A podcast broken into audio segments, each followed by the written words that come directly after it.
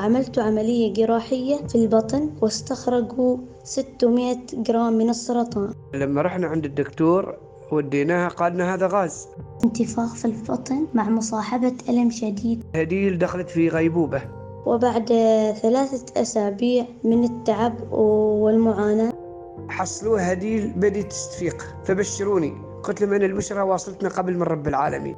تجاوزنا المحنة الأولى وهي ست جلسات كيماوي. اختفى المرض فترة بسيطة جدا ورجع بقوة. الحياة أمل. فمن فقد الأمل فقد الحياة.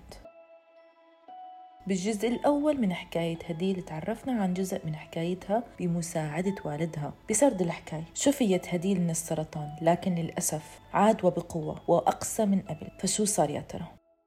فقالت للدكتورة هي كبيرة الأطباء قالت لي لازم نضربها ثلاث قرعات كيماوية أقوى عن الكيماوي اللي قبل. استصعبت الأمور وانقرحت يعني وتسببت لي صدمة كبيرة. يعني بعد الكيماوي هذاك اللي شعرها راح الهدب راح الحواقب راحن. ترجع مرة كيماوي أكبر وعانت هديل يديها السقايات لا حتى فرقولها في يديها حتى لها جهاز. ما حصلوا شريان عشان يضربوا الإبرة السقاية مع الكيماوي. قالت حد الدكتورة حقيقة سلاح ذو حدين هذا الكيماوي قوي. إن شاء الله نتأمل خير وأما تفقد الحياة.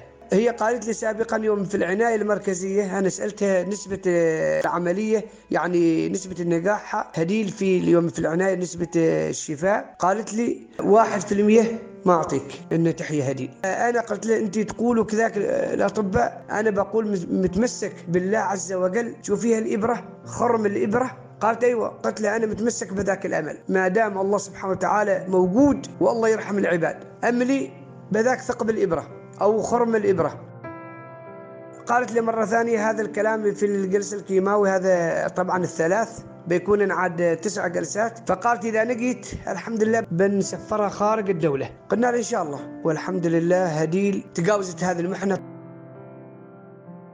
أول حاجة انصدمت من تساقط شعري وكنت أنظر إلى البنات اللي مثلي فيهم شعر وأنا لا. وأنا كنت طفلة والطفل كان يتحسس مثل هذه المواضيع بس الحمد لله عدت الأيام على خير.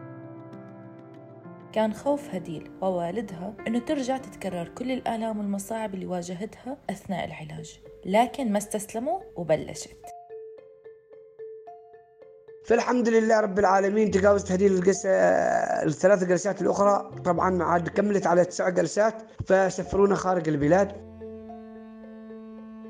فرحت أنا وزوجتي وابني وابنتي. ذهبنا إلى خارج البلاد وعملوا فحوصات وبشروني. بعد هناك قالوا هذا الولد محظوظة ذي البنت بهذا أخيها الحمد لله عم وسوينا عملية هناك نخاع حال الولد. بعد ذلك رسلوه حال هديل. وهناك بعد ثلاث جلسات كيماوي مرة ثانية.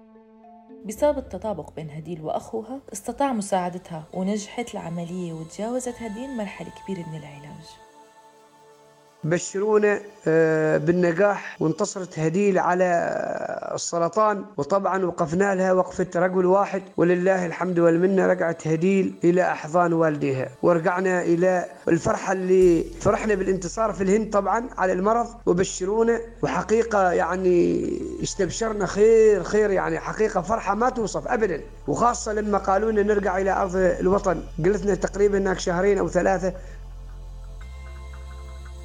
طبعا كانت فرحتي ما تنوصف إن العملية نجحت وعدت مرحلة الخطر وأقدر أعيش حياتي مثل باقي الأطفال وأرجع لحياتي طبيعية مع أهلي وأحبابي وأصحابي.